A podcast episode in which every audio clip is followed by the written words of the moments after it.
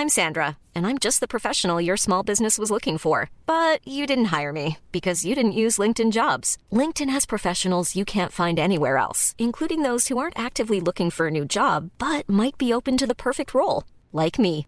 In a given month, over 70% of LinkedIn users don't visit other leading job sites. So if you're not looking on LinkedIn, you'll miss out on great candidates like Sandra. Start hiring professionals like a professional. Post your free job on linkedin.com/people today. Many of us have those stubborn pounds that seem impossible to lose, no matter how good we eat or how hard we work out. My solution is PlushCare. PlushCare is a leading telehealth provider with doctors who are there for you day and night to partner with you in your weight loss journey. They can prescribe FDA-approved weight loss medications like Wagovi and Zepbound for those who qualify. Plus, they accept most insurance plans. To get started, visit plushcare.com slash weight loss. That's plushcare.com slash weight loss. Millions of people have lost weight with personalized plans from Noom, like Evan, who can't stand salads and still lost 50 pounds. Salads, generally, for most people, are the easy button, right? For me, that wasn't an option. I never really was a salad guy. That's just not who I am. But Noom worked for me. Get your personalized plan today at Noom.com. Real Noom user compensated to provide their story. In four weeks, the typical Noom user can expect to lose one to two pounds per week. Individual results may vary.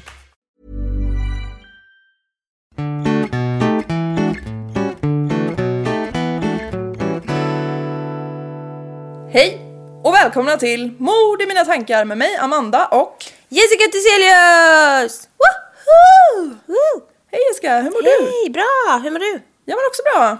Ska vi köra igång? Yay! Woo! Ja, det var det chockade va? Vi är idag i Sverige. 2015! Va? Vad fan har du gjort? Ja, nu har jag gått utanför alla mina gränser. Våra gränser. I did not approve this! No, you did not.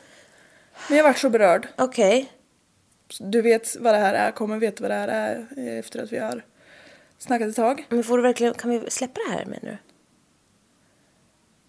Ja, det är klart vi kan. Jag blänger på dig så mycket nu så jag fick lite så här ont i ögonbrynen. Varför skulle vi inte kunna släppa det? Här? ja, okej.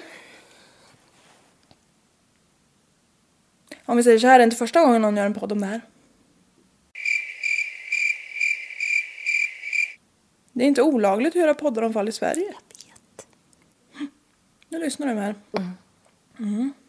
Så får vi stryka hela det här avsnittet sen. Nej men vi är i Stockholm. Jag blir lite nervös faktiskt. Ja, håll i hatten. Alejandro Aguilera de Santiago är en till synes normal och trevlig småbarnspappa. Han har två små barn. Och han bor med sin fru strax utanför Stockholm. Han har i april 2015 startat upp en så här franchise 7-Eleven butik. Franchise kan ni googla på om ni inte vet vad det är. Det uppdagas efter ungefär ett år att det har försvunnit lite pengar från Alejandros butik va?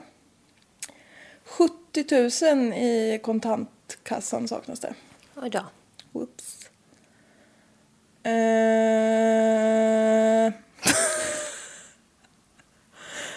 Alejandro uppger att han har lånat de här pengarna. Och det är ju såklart inte okej att göra så, men han vet om det. Han erkänner att han även har sålt tobak svart utanför butiken. Han har alltså snott med sig lite limper. Sig. det är alltså långt över 70 000 som Alejandro har snott åt sig av 7-Elevens pengar.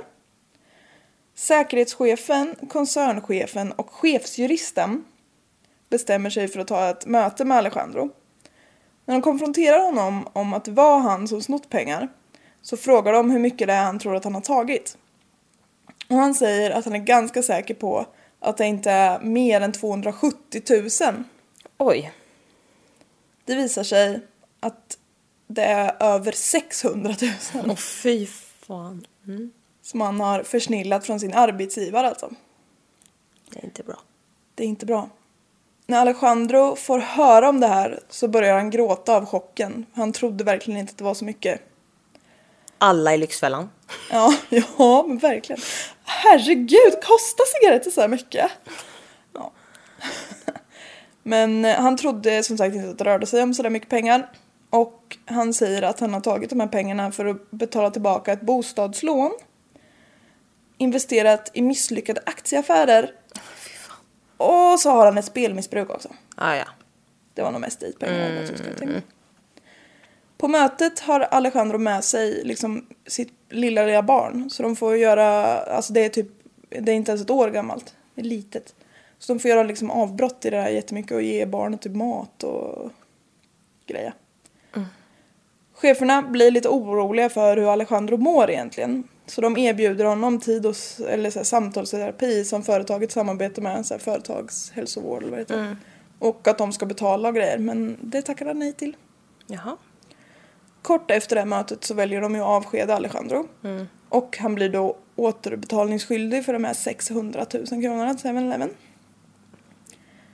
Alejandro är deep in the shit. Mm. Han är desperat. Han kommer plötsligt att tänka på en man som han lärde känna på sitt arbete som boendestödjare under 2014. Ja. ja. Alejandro har jobbat som timvikarie på ett boende under ungefär ett års tid innan han började med 7-Eleven-affären, butiken. Mannen i fråga bodde på det här boendet. Han hette Hans. Han hade en värdefull myntsamling. Mm. You know the case? Yeah. yeah. Och Alejandro tänkte att han skulle säkert inte vara så främmande och låna ut pengar till honom. Hans Johansson är då en 59-årig man som har, eh, han har fått diagnosen schizofreni. Och på grund av den här diagnosen så bor han på ett stödboende. Men om jag fattar rätt så han behöver inte så mycket stöd, men, eller det kanske går i perioder. Men han kan i alla fall liksom ta vara på sig själv och röra sig fritt i samhället. Det är inte så att han behöver... Ta vara på sig själv? Ja men han kan liksom betala sina räkningar och alltså det framgår inte vad det är exakt han behöver hjälp med men något form av stöd behöver han i alla fall. Tidigare i livet så har han haft en städfirma men den har gått i konkurs nu. Och hans sjukdom blev värre med åldern och han blir till slut sjukskriven på heltid. Eller det heter inte sjukskriven på heltid. Eh, Sjukpension. Sjukpensionär, ja. Hans har hela sitt liv drömt om att flytta till södra Sverige och skaffa en liten stuga med vita knutar i skogskanten. Ja, fy fan vad rart. Ja, eller hur? Låter så idylliskt. Hans spenderar då jättemycket tid med att vårda sin myntsamling som han har samlat genom livet. Och han hoppas att han ska kunna sälja den här så att han har råd att köpa den här lilla stugan. Mm. När han då... Vill du säga något? Nej, jag tycker bara är... Jag... Ja, han är så gullig. Ja. När han blir heltidssjukskriven på grund av schizofreni på grund av schizofrenin så bestämmer han sig för att det är dags att sälja sin älskade myntsamling. Han tycker jättemycket om de här mynten. Han pratar mm. liksom om dem mycket och ja, han är stolt över sig själv och sin samling. Mm. Han kontaktar Stockholms myntklubb för att få hjälp. Vilket jävla rövargäng det är. Ja jävlar. Det är... Vilka gangsters. Det är HD och så Stockholms myntklubb. HD? HA menar jag. jag bara va? Du tänkte högsta domstolen. jag bara vänta, va? jag tänkte HA. Som glider runt på HD kanske? Ja. Harley Davidsons. Ja. Ja. ja, det är ju lite märkliga personer i Högsta domstolen nu på senare tid har vi ju förstått. Ja. Den här koordinatorn, som han tydligen var. Jag la mig inte tid att lägga hans namn på minnet. Men han beskriver i alla fall eh, Hans som skarpsynt och vältalig. Han hade flera mynt i den här samlingen som var värd både tusentals och tiotusentals kronor. Mm. För liksom ett mynt. Mm. Och hela hans samling värderades till 1,3 miljoner. Så det är en skaplig samling. Han har samlat ihop så många enkronor. wow. wow. Kontrakt skrevs på hur mynten skulle säljas och de skulle säljas i omgångar med några album åt gången. Man samlar tydligen mynt i album. Ja, som, som frimärken, typ bokmärken. Ja. ja. Mm. Det var mer än vad jag visste. Men sen är ju inte jag en myntperson. Inte jag heller, jag är mer så credit card. Jag använder faktiskt inte kontanter. jag hittade en 500 hemma. Jaha, oj var den gammal. Nej. Nej. Men jag visste inte vad jag skulle göra av den så jag satte ut den på kylskåpet. Nej men, Vad ska jag göra av nej, den? men jag vet, jag, har, jag vill inte liksom... Jag, när jag säljer grejer så säger jag betala via swish. Vissa gör inte det, sträcker fram några hundra. Man bara ursäkta. Vad fan ska de här till? Jag blir helt ställd. Ja. Jag har inte haft kontanter på... sen jag föddes.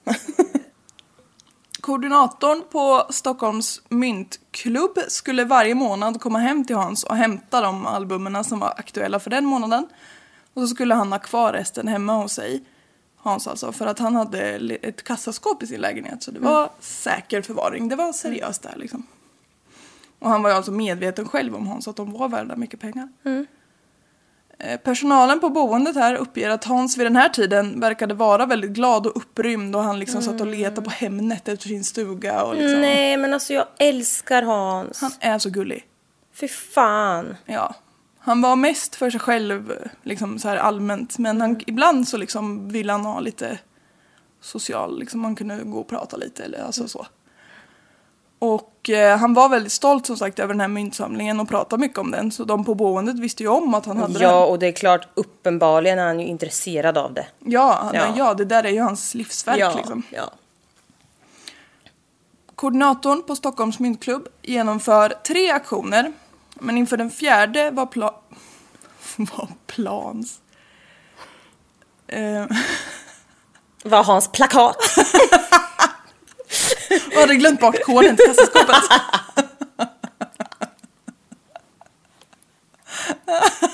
Så de fick ringa dit de tuffa grabbarna på Stockholms myntklubb. Så de kommer in där med varsin HD.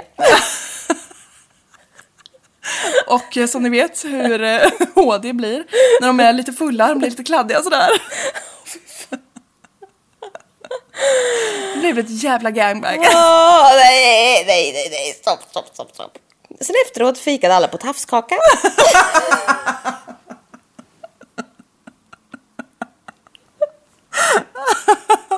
Slut så gott, allting gott. Nu spårar vi ut fullständigt. Ja, verkligen. Okej. Det var inte alls så riktigt. Nej. Nej. Hmm. Koordinatorn på Stockholms myntklubb genomförde tre aktioner men inför den fjärde så var Hans plötsligt väldigt svår att få tag i. Ehm, han hade alltid varit väldigt så här, lätt att få tag i, han hade svarat i telefon. Men nu så varken svarade han eller ringde upp. Aj, aj, aj. Ja, koordinatorn ansträngde sig för att, alltså han liksom la verkligen ner tid där. Han ringde och skickade så här rekommenderade brev som man får så här kvitton när de har plockat ut. Och så åkte han till lägenheten och knackade på men han fick inget svar. Och han gick till och med till polisen och så här Hallå vad kan jag göra? Jag tror den här mannen är borta. Mm, kan ni kolla det här liksom? Ja. Och eh, efter den 18 mars 2016 så är det ingen som har sett Hans. Den 18 mars har någon sett honom uppenbarligen. Men inte efter det. En vecka senare så anmäler en personal på boendet Hans försvunnen hos polisen. För han har liksom aldrig missat en tid i hela sitt liv. Han var Nej, väldigt punktlig och ja. duktig så. Så de har ju blivit oroliga. Och han har inte så mycket sociala kontakter. Så de kan ju liksom inte ringa och höra med så många vart han kan vara. Han har eh, inte så mycket, eller han har liksom inga vänner som man brukar umgås med vad boendepersonalen vet om. Och syskonen träffar han knappt. Hans lägenhet, polisen går in i lägenheten och söker igenom den flera gånger men de hittar ingenting. Hundar får söka igenom kring så här närliggande vattendrag ifall han skulle ha ramlat i. Och Missing People har skallgång och lägger ut bilder på Hans på sin Facebook-sida men man får ingen info någonstans ifrån. Eh,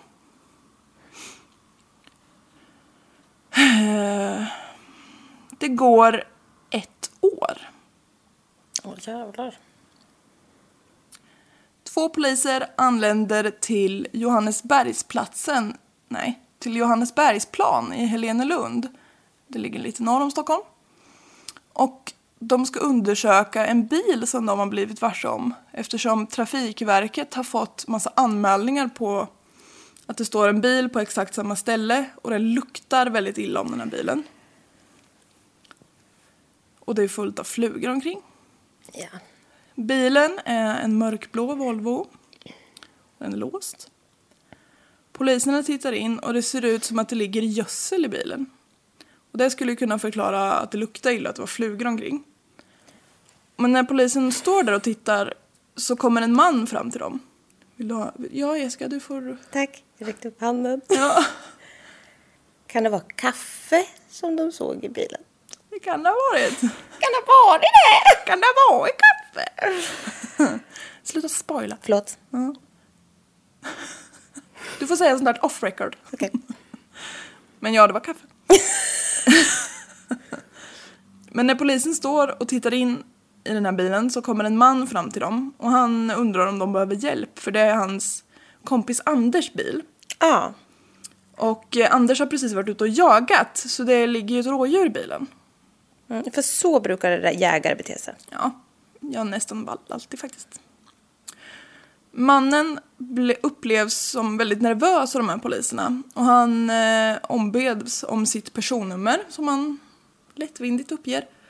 Och eh, mannen heter då Alejandro Aguilar de Santiago. 39 bast. Polisen konstaterar ju ganska snabbt att det är han som är ägaren till bilen. Ja. Och först så vart jag helt så här, hur fan kunde de veta det? Och sen bara, ja men de får ju upp en liten bild på honom säkert. Sen bara, fast han sa ju sitt personnummer och Jag man ser ju säga det, vad är det du inte förstår här? Lite otur du tänkte. Ja. Så polisen åker runt med små bilder. Ja. Men, ja. Men sen kom jag på hur mysteriet sig. De konfronterar Alejandro och bara hallå det här är din bil, lås upp den. För det är något märkligt här uppenbarligen. Och de säger att är det ett djur som ligger där då kan vi ju liksom åka härifrån men vi måste få se ja, att och det är varför djur. ligger det där och varför har du gödslat det? Ja, det kan man verkligen undra. Han vill att det ska växa upp nya Ja. rådjur. Herregud, det är självklart. Alejandro har inte bilnyckeln med sig och han ber om lov att få gå och hämta den. För han bor alldeles intill. Polisen tillåter det men en av dem vill liksom följa med så att han inte smiter. Alejandro blir mer och mer nervös. Han går snu- snupersnabbt. Han går väldigt fort. Han går snipersnabbt.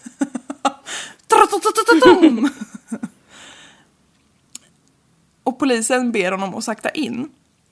När de är jämsides igen så säger Alesan- Alejandro att han måste berätta någonting för polisen. Det är nämligen inget djur som ligger i den här bilen. Nej. Det är en kropp. Ja. Hans Johanssons kropp har legat i Alejandros bil i över ett år. Ja. Jag tycker det är så sjukt. Ja. Korrekt uppfattat. Det kommer ännu mer sjukare grejer sen, men det kommer nog.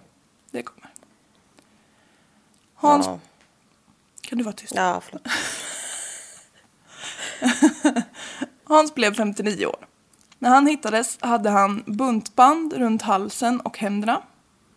Rättsläkaren berättar, den här rättsläkaren han har verkligen ansträngt sig. Han provade att ta ett måttband på 34 centimeter. För det var så hårt liksom, buntbandet var spänt. Och dra åt sin egen hals. Och han sa att ja det blev ett rejält tryck men det var inte så att jag absolut inte kunde andas. Man bara, men det beror väl på hur stor hals man har eller? Nej, men fy fan vad konstigt. Ja, det var jättemärkligt. Men eh, Hans tunga har också hängt ut. Och det, så kan det tydligen bli för om man stryps Få så tryck mot... Ja. ja, precis, blir det lite tryck och sådär. Men kroppen påträffas också lite framstupa. Så tungan kan ju liksom ha glidit ut. Mm. Så, och det är ju jättesvårt att undersöka den här kroppen. För den har ju liksom legat i en varm bil. Och ja, jag vill inte ens nästan tänka på hur illa det måste ha luktat. Men jag tänker, nej det är fruktansvärt och jag tänker så här, det är jätte... Alltså det, jag, det jag tycker synd om liksom... Alltså det är så här, alltså... Men vad fan ska man säga? Det blir ju så här, alltså typ... Nej, det kan jag inte säga heller för det är inte där det är. Men alltså det känns så jävla förnedrande för... Alltså liksom att kroppen ska ligga där och liksom typ krypa iväg av sig själv snart. Ja, Det blir bara så jävla ovärdigt. Ja, Stackars, stackars är det. Hans. Ja. Och jag vet har du, har du känt liklukt någon gång? Ja, roadkills. Ja, Mm, precis. luktar Ja, ruttet kött deluxe.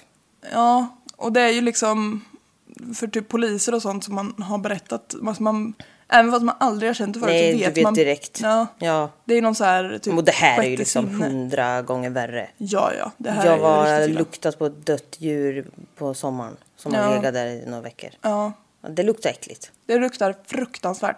Och även liksom på vintern. Om man stöter på något så det luktar mycket. Mm. Ja men bara typ bensår. Ja, Kan du tänka? Det är ju dött kött. Fast på en levande människa. ja. Det är ju liksom också... Ja det är en speciell... Det är ingen eau de parfum. Nej. Nej. Ja, som sagt, den här kroppen är ju jättesvår att undersöka för den är ju förruttnad. Jättelångt gången i förruttnelse. Tydligt är dock att båda Hans ben är avsågade strax under knäskålarna. Det kunde man se. Rättsläkaren hittar också omfattande skador på sidorna av hans huvud. Och ett slag har varit så kraftigt att skallbenet liksom har slagits in. Med trubbigt våld, troligen en hammare. Skallskadorna är dödliga i sig och man fastställer att det är det mest troliga att han har dött av de här. Och alltså inte av strypning. Enligt Alejandros första berättelse, det kommer att komma fler, Ja. Eller versioner, så ska Hans ha hört av sig till honom och frågat om han kunde hjälpa honom att dö. Lite aktiv dödshjälp skulle han vilja ha. Han höll ju på att leta efter sin stuga. Jag tänkte säga det, han kändes ju verkligen som en så har gett upp. Ja, han har inga framtidsvisioner. Nej. Hans kommer över till Alejandro. Det här är alltså, för att vara extra tydlig, Alejandros version. Kommer över till eh, honom och Alejandro slår honom med huvudet. Nej, Nej. i huvudet med en hammare. Hans önskar, alltså det här är så jävla märkligt. Hans, Det hade varit bättre om man slog med huvudet i en hammare. sitt eget. Ja. Hans önskan, enligt Alejandro, var att bli utspridd i skogen. Dagen efter mordet tar Alessandro ut, Alejandro ut kroppen i bilen och kör ut till ett skogsparti. Han sågar av Hans ben för att kunna sprida ut kroppen i skogen. Men det är väl inte det man menar när Nej, men man vill bli förlåt. utspridd i skogen? Ja, jag, jag önskar att du styckar min kropp och lägger den på olika delbitar i skogen. Det är en sjuk tolkning av, av det. Av en påhittad historia. Ja, eller hur? Nej Men, men, alltså det ehm, där hade jag fan förträngt, ja. Ja. Men Alejandro pallar inte att fullfölja den här styckningen så han slänger in kroppen i bilen igen. Och jag fattar att man inte pallar att stycka en kropp för det är ju inte bara, det är ju inte som att såga i en brödskiva direkt. Nej.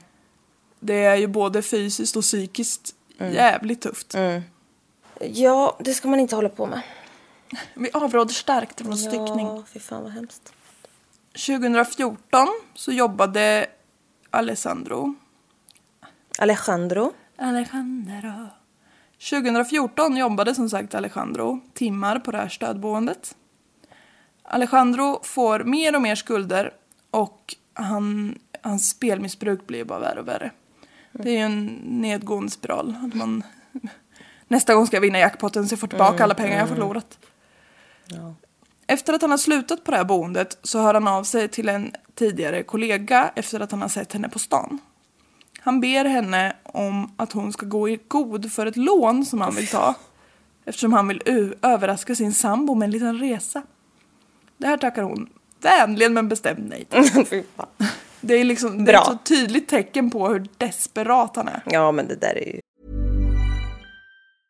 Ryan Reynolds here from Mint Mobile. With the price of just about everything going up during inflation, we thought we'd bring our prices down. So to help us, we brought in a reverse auctioneer, which is apparently a thing. Mint Mobile unlimited premium wireless. Ready to get 30, 30, bit to get 30, bit to get 20, 20, 20, bit to get 20, 20, bit to get 15, 15, 15, 15 just 15 bucks a month. So, Give it a try at mintmobile.com slash switch. $45 upfront for three months plus taxes and fees. Promo for new customers for limited time. Unlimited more than 40 gigabytes per month. Slows. Full terms at mintmobile.com.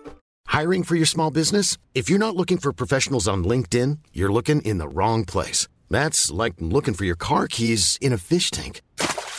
LinkedIn helps you hire professionals you can't find anywhere else, even those who aren't actively searching for a new job but might be open to the perfect role. In a given month, over 70% of LinkedIn users don't even visit other leading job sites. So start looking in the right place. With LinkedIn, you can hire professionals like a professional. Post your free job on linkedin.com slash people today.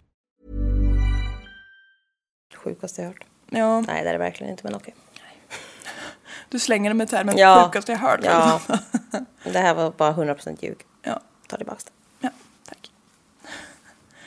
Alejandros, jag vet inte varför jag slängde in det här lilla stycket just där, men Alejandros andra story om vad som hände, det var helt enkelt att Hans kom hem till honom och så blev han spritt språngande galen och slog sig själv i huvudet med en hammare. Tills han dog. Ja, alltså förlåt vi skrattar men det är så bisarrt. Jag vet Ja. ju redan det. Jag vet redan allt det här. Ja. Mm, Så, men, men det är så jävla sjukt bara. Ja, och rättsläkaren säger ju att det har hänt typ en gång i världshistorien att någon har lyckats med det här, så det är extremt osannolikt. Och vill man välja liksom den sista utvägen så då väljer man inte det Nej, Jag har svårt att se att man väljer trubbigt våld mot huvudet. av sig själv. Ja. Och dessutom så sa den här rättsläkaren, för Hans har, det sa jag nog kanske inte innan, men han har ett slag som är det här grövsta. Och sen har han liksom två andra vid sidan. Och har man slagit sig själv i huvudet då brukar det vara på samma ställe. Man liksom sprider inte ut dem lite så. Mm. Så rättsläkaren är inte riktigt med på den här storyn. Nej. Och sen har vi en tredje version. Och det är den som man håller fast vid både under och efter rättegången. Okej. Så kan ni få avgöra själva vilka som är bäst. Så kan vi gissa vilka som vi tror är sann. Jag gissar på ingen.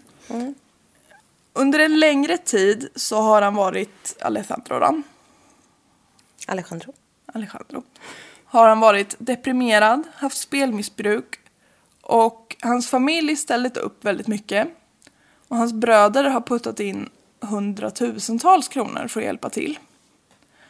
Han beskriver att den här perioden har varit väldigt dimmig och han har mått väldigt dåligt. Vilket jag inte betvivlar. Han ska då ha mött upp ett par män som han inte vill säga vilka det är. Som, han som han har lånat ut sin bil till. Och i utbyte mot att han har lånat ut de här, eller den här bilen, så ska han få ett guldmynt av männen som han så går och pantsätter för att få pengar för. Lånar man bara, bara här. Alltså om du lånar ut din bil till mig så kan du få ett guldmynt. Alltså. Bara där skulle jag ju rygga tillbaka kraftigt. Ja. Jag har i och för sig aldrig varit i ekonomisk kris eller så jag kanske skulle ha reagerat annorlunda då. Han möter sedan upp de här männen på kvällen igen och ska då få mer guldmynt. Alltså, guldmynt, han är fucking Pippi Långstrump. ja, han har en kappsäck med guld. Ja, Pappa Kappas kappsäck. Packa pappa Pekkas kappsäck. Oj, den fick du till! En gång till. Packa pappa Pekkas kappsäck. Packa, packa, packa, kapp, kapp. Bra. Bra. Lite pausunderhållning. När han blev varse av vad som fanns i bilen så fick han ju panik och han visste inte vad han skulle göra. Han fick veta vem personen i bilen var och männen sa att det som fanns i bilen, det var hans problem nu. Och eh, de hade redan sågat av benen så att det skulle vara lättare att begrava kroppen. De hade varit lite schyssta Det här så. spelar också jättestor roll. Just de där, den där sista. Ja. Ja, och då som chockad person så tar man inte kontakt med polis, nej. Nej, för det var ju det här va. Att de hade sagt att om han googlade på dem Just så skulle de hitta honom. Alejandro har då inte riktigt vetat skillnaden på gola och googla. Nej. Så åklagaren blev väldigt förvirrad. åklagaren bara, vad, vadå googla? Googla? Googlare har inga poglare. Gogglers har inga pogglers! ja. Alejandro var ju då alltså livrädd för vad som skulle hända med hans familj om han googlade. Ska du veta. Det är farligt. Han säger att han har liksom inga klara minnen från den här tiden för allt var ett stort töcken. Och det här var ju då den 18 mars som Hans, det är ju sista dagen som någon hörde av Hans. Så det är då det här har skett. Några dagar senare, den 21, så åker Alejandro till Biltema och shoppar loss. Han köper en yxa, en spade, en bensindunk, lite röd etanol, buntband, flera rullar med plastkassar och lite plasthandskar. Man undrar hur man ska ha dem till. Så det där är så jävla dumt. Ja. Och, och också köpa allt på en gång. Ja då. På samma butik. Ja, eller? Några dagar senare, han kan inte göra det direkt, han, han, han tar det lite lugnt där. Några dagar senare så åker han med bilen norrut för att hitta någonstans att begrava Hans. Men eh, det här kan också bekräftas för att bilen har ju passerat så vägtullar så att det blir så här trängselskatt och grejer inne i Stockholm. Så de kan liksom se att ja, han har åkt iväg med den här bilen med liket i. Alejandro menar att han klarar inte av att begrava Hans vid det här tillfället. Dels för att en död kropp är väldigt tung och svår att få ur bilen. Och så hade han, hans egna ord, en mental spärr. Han bara, du har inga mentala spärrar. Det är så dags nu. Ja, precis. Nu är det dags. Han körde därför tillbaka bilen. Det kan ju dock bekräftas som sagt med de här vägtullarna att han har åkt förbi flera gånger. Närmare sagt 32 gånger. Ja! Vad är det här? Jag vet, det är det där jag menar med att det blir sjukare.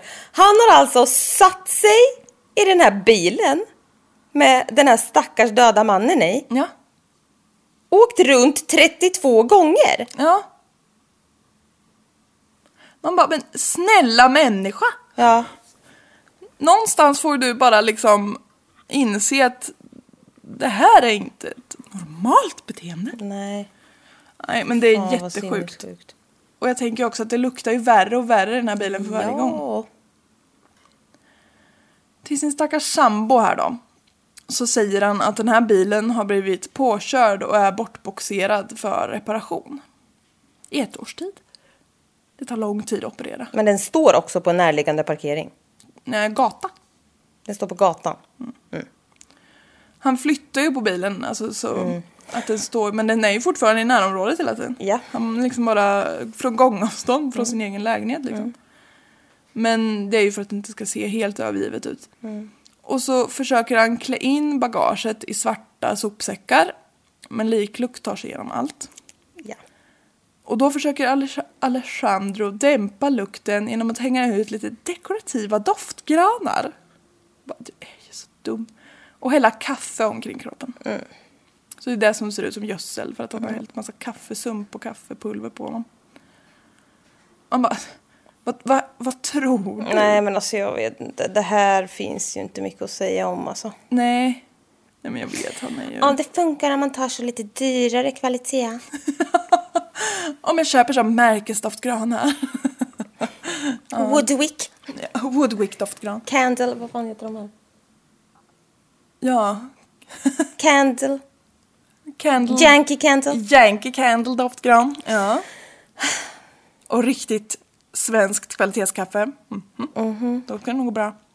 När polisen kommer för att undersöka den här bilen så ser han allt det här från sin balkong.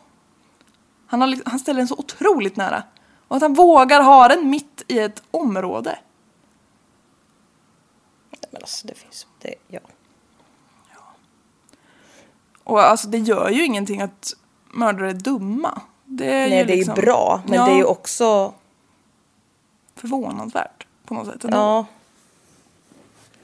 ja men, du, jag undrar. Jag, vet du, jag, jag slänger in ett litet tips. Jaha. Podden Dumma människor. Jaha. Ja, det, jag är väldigt intresserad av psykologi ju. Jag är väldigt intresserad av dumma människor. Ja, nej men alltså. Den är ganska, den är bra faktiskt. För det, då pratar de om mycket sådana här typiska dumma beteenden. Men alltså folk är så dumma. Och då I ett avsnitt vet jag att de har pratat om att de, folk som är, de är för dumma för att förstå att de är dumma. Ja, det är de bästa. Ja, och det är typiskt. Sånt där Ja, beteende. ja.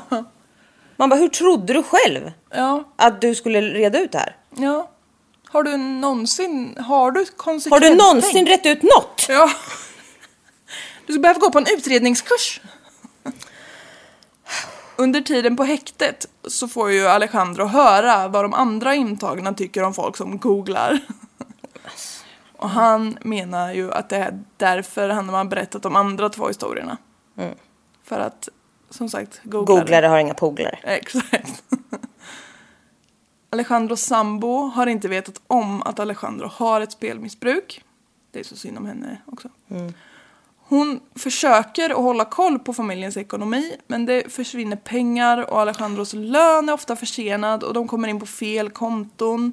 På liksom andra konton som de har i andra banker så det tar tid att flytta över dem. Och konton som hon inte har tillgång till. Och hon liksom konfronterar ofta Alejandro via liksom sms, för det är där polisen har bevis. Liksom. Säkert annars också, men via sms i alla fall. Och han svarar ofta väldigt kort och liksom så ja jag ska kolla upp det. Och ett exempel som polisen hade så har hon, jag har skrivit hon har legat på, jag bara varför har hon legat? Men hon har eh, som sagt legat på om den här försenade lönen. Och Alejandro skriver att ah, jag ska kolla upp det. Och sen är jag lite orolig för om du inte kommer ihåg mig om jag dör. Han försöker flytta fokus otroligt alltså, ordentligt där. alltså det så. Man bara, ursäkta? Den 17 februari 2016 så blir ju Alejandro uppsagd med omedelbar verkan ifrån det här 7-Eleven jobbet. Det berättar han inte för sin sambo. Och de har ju jättedåligt om pengar. Hon har liksom, De har ju för fan en toddler. ja, hon har ju liksom, är relativt nyförlöst. Och hon har liksom, de har inte råd att köpa så här basic matvaror. Nej, fy fan. Alejandro spelar bort de få pengarna de får in och börjar ta lån i sambons namn bakom hennes rygg. Mm. Det där är sjukt att man kan göra det. Ja, det är det.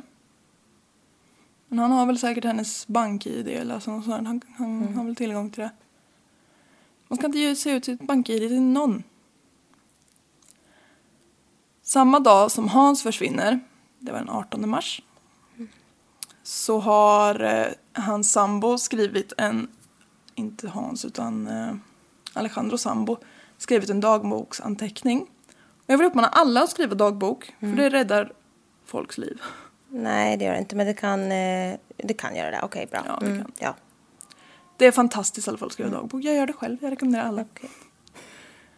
Om, eh, hon skrev i alla fall att om hon skrev att familjen skulle ha myskväll men att Alejandro plötsligt hade blivit ivägkallad på något möte eftersom någon hade kört på deras bil som stått parkerad och den hade forslat bort. Alejandro har även förbjudit henne att kolla i brevlådan. Och eh, under rättegången så har ju Alejandro inget bra svar på varför han har sagt så till henne. Men eh, vi kan nog alla förstå varför hon inte skulle få göra det. Det kommer helt enkelt post som han inte vill att hon ska se från typ Kronofogden och lite inkassobolag och sådär. Nu har det gått en månad sedan Alejandro blev av med jobbet. Men han har fortfarande inte sagt någonting om det till sambon. Alltså jag förstår inte. Alltså förlåt. Jag kan inte hålla någon hemlighet. Nej, Om mig själv.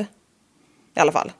han... Eh, Alltså jag skulle inte, alltså hur orkar folk hålla på så här? Nej, det, ja, jag tror inte att han tycker att det är jättekul. Nej men alltså lägg av med sån här konstigt fuffens. Ko- Konstigt fuffen ska man kalla det. Och han har ju nu hunnit, eh, hunnit med sin lilla affär med Hans. Men han får ju liksom in lite småpengar när han pantsätter de här mynten. Inte ens i närheten av så mycket så, som de är värda. Men ändå tillräckligt för att han ska liksom lura henne att, hon, att han har lite lön typ. Alltså Hans ville bara ha en stuga, en glänta. Ja, det är nu det som får är du så himla fan. Alltså det var ju hans pengar. Jag älskade Hans. Ja, jag älskar Fy också Hans. fan, han var så snäll också säkert. Ja. Och så hade han visioner och grejer. Lägg av med det här att han en slog sig själv. enkel vision bara. Han ville bara få vara i fred och ha det bra sista åren i sitt liv. Fy fan, men så gammal var han ju inte. Nej men, men sista han hade åren kan ju vara långa. Många menar. Ja, ja. Ja, De sista 60 ja men det var så han ville leva. Ja. ja alltså nu Han skulle får... få förverkliga sin livsdröm. Nej, nu blir jag så Ja, jag mår jättedåligt. Mm.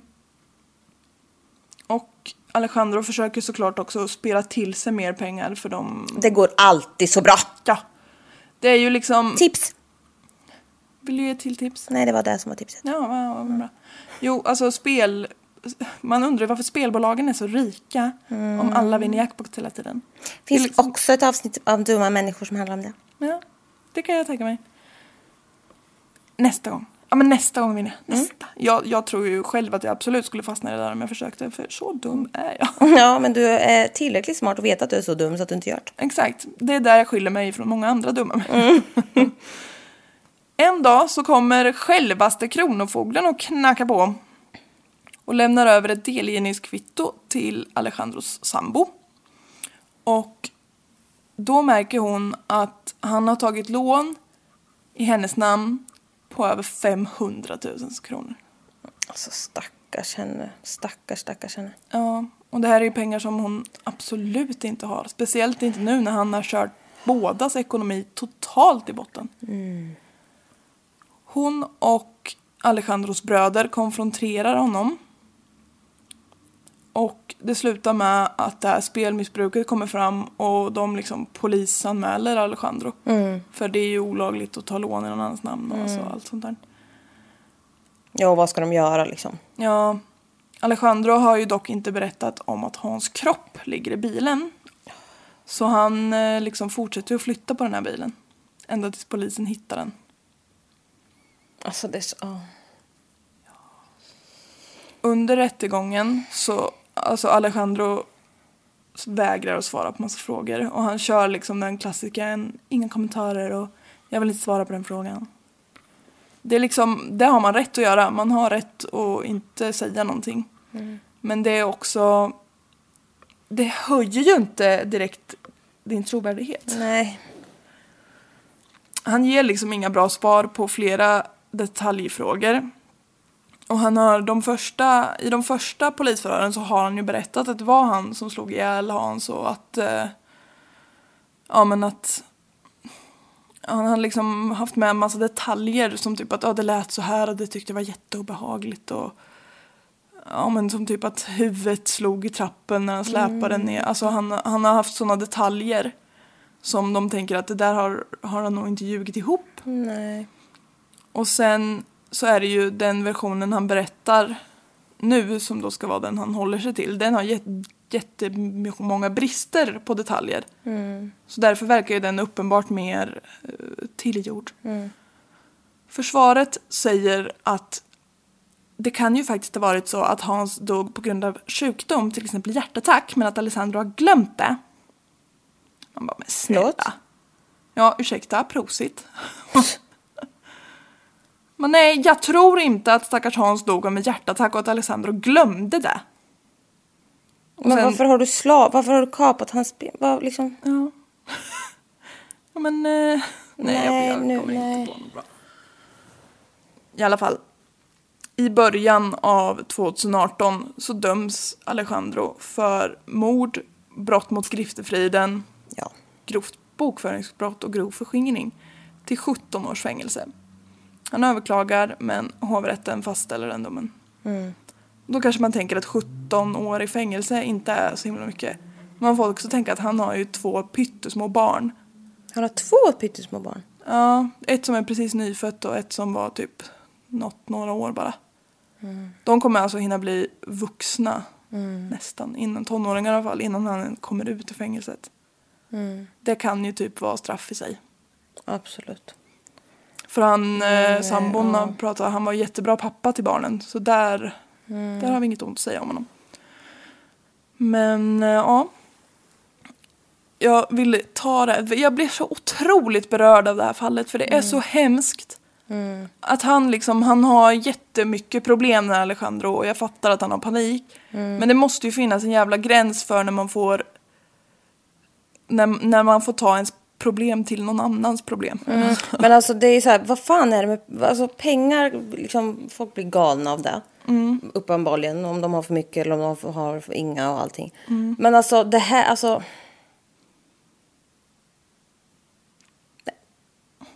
Det här gör inte saken bättre. Nej, det gör det verkligen inte. Det här var inte en lösning.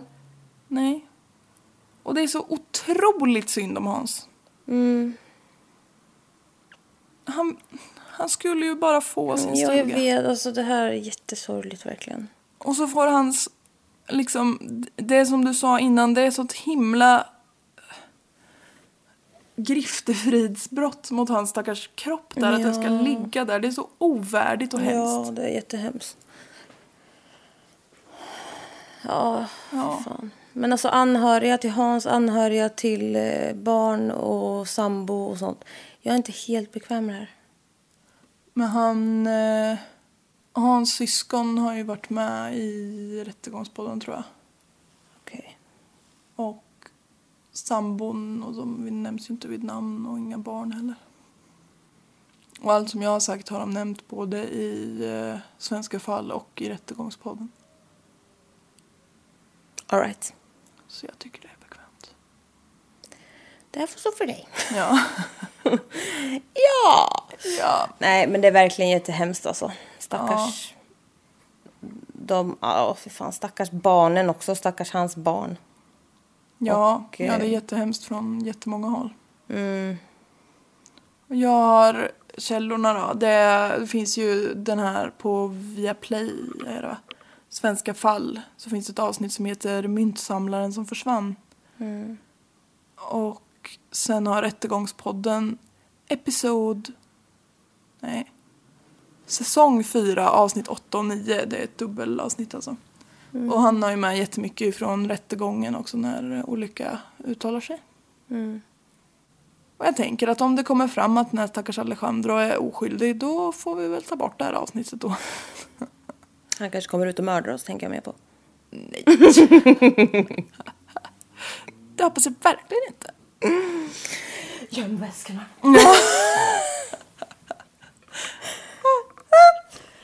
Nej, det är långt kvar innan han kommer ut. Ja. Men ja, det var dagens story. Det är inte, jag har inte tänkt att jag ska börja göra svenska brott Nej, det får du inte göra för mig. Då, det får vi sätta stopp för redan nu. Ja, ja. Men någon gång ibland. Det är ju... Det händer saker i Sverige med. Ja, det gör det verkligen. Deras stories måste också bli hörda. Men inte av oss, tänker jag. Nej, så tänker jag. Ja, det går bra. Ja. Hej då! Hej då!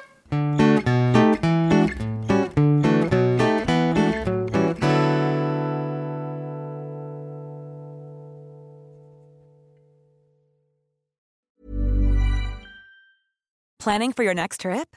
Elevate your travel style with Quince. Quince has all the jet setting essentials you'll want for your next getaway, like European linen, premium luggage options, buttery soft Italian leather bags, and so much more. And is all priced at 50 to 80% less than similar brands. Plus, Quince only works with factories that use safe and ethical manufacturing practices. Pack your bags with high-quality essentials you'll be wearing for vacations to come with Quince. Go to quince.com slash pack for free shipping and 365-day returns.